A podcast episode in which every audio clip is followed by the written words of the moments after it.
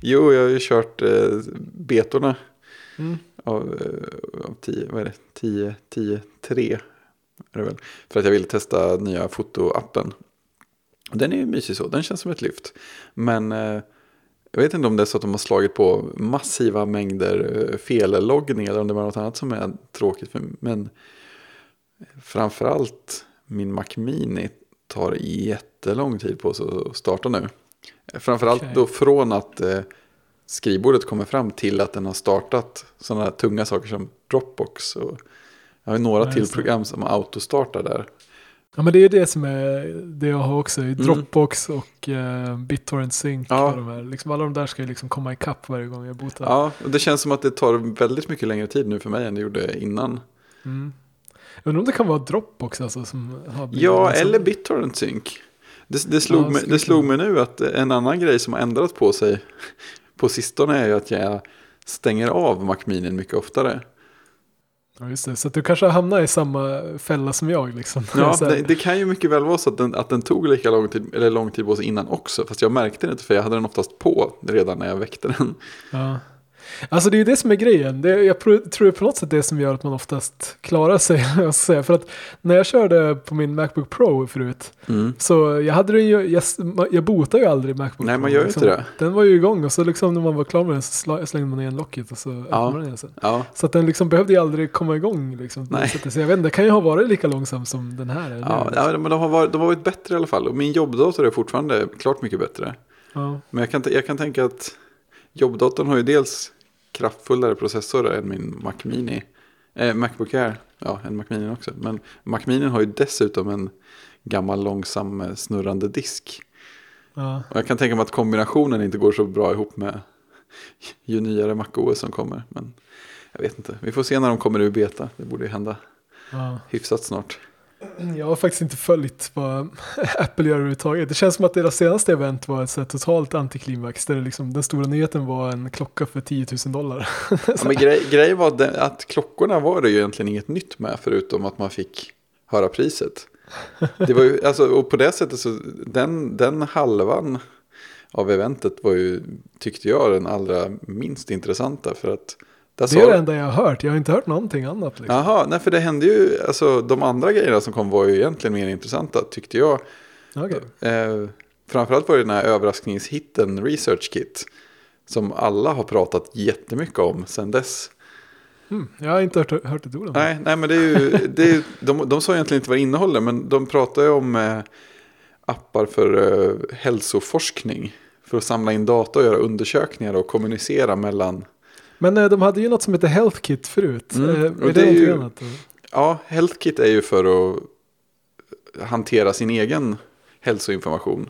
Så att den, den, är ju som, det är ju lite som ett datalager, lite som eh, iPhoto eller, eller vad ska man säga, som bildbiblioteket eller musikbiblioteket. Att du har ett ställe att lagra all din hälsodata på.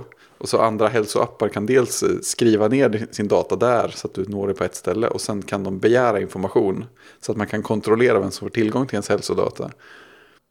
Jag, jag förstår vad de gör. De säljer ju in totalövervakning steg för steg. Det är ju liksom steg ett. är så bara, ah, tänk vad bekvämt det vore om du hade tillgång till all din data om dig själv här. Så du kan titta på den alldeles själv. Det är bara du som har tillgång till den, lovar jag. Och så nästa steg så bara, ah, forskningen skulle ju må väldigt bra av att ha tillgång till lite av den här datan. Men de har ju inte, de har ju inte autotillgång till någonting. De, de, de har inte ens sagt om det finns någon koppling till HealthKit. Men Det- poängen är att de gör någon slags öppet, eh, öppen källkodsramverk som heter ResearchKit för att underlätta skapande av forskningsappar. ja. Och som sagt, de ska släppa det som öppen källkod strax.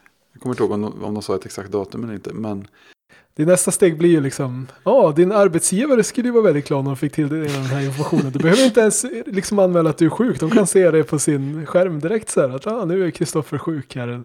ja, det är ju det är skönt att det är det företag som möjligen värnar lite om ens egen privacy. Så. Det hade inte, varit så, det hade inte känts så livat om Google hade gjort det här. Men det, det, alltså en annan spännande sida med det är att de sa redan på presentationen att det dessutom är öppet för alla plattformar. Mm. Så det blir spännande att se ens vad det innehåller. Så att det är mer en API då eller? Ja, det måste ju vara det på något det sätt. För de, de sa ju verkligen inga tekniska detaljer alls.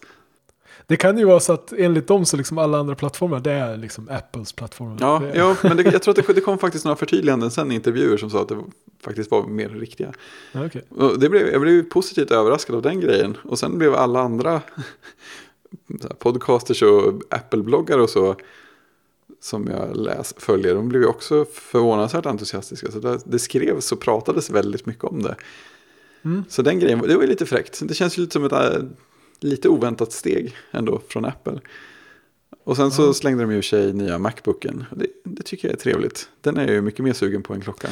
Just det, den, nu kommer jag ihåg. Just det, de visade den med, som bara hade en USB-C-port. Ja, den var har ju pratats rätt mycket om också, kan man, kan man Ja, lugnt det är säga. sant. Det är sant. Den har jag faktiskt hört talas om. Ja.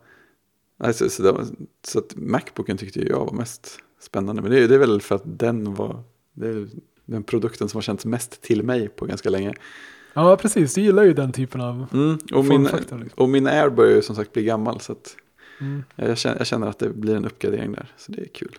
Men blir det inte segt att ha en port bara? Alltså det spelar ingen roll riktigt hur, hur kraftfull den porten är. Liksom. Det blir ändå som att man måste ha en dongel med liksom. Ja, det beror ju... Ja, jag, alltså jag kommer ju behöva adapter av något slag.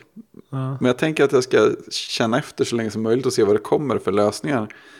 För att eh, om man verkligen hårdrar det så är det möjligt att jag kan klara mig på en sak i taget. Jag menar, Mm. när jag spelar in så måste jag ju ha micken inkopplad. Men det är ju egentligen inte så att jag, jag spelar ju sällan in i nio timmar så att jag behöver ju egentligen inte ha ström inkopplad när jag spelar in. Och extern skärm är ju trevligt men det är ju inte livsnödvändigt heller. Så att Mm. jag tänker att jag får, får kä- känna och se efter. Sen vill jag ju gärna ha en skärm annars. Så det kan, då om man nu behöver en adapter för sin vanliga USB-sladd och en adapter för en bildskärm. Då kanske man hellre vill ha en lite större adapter med båda kontakterna i.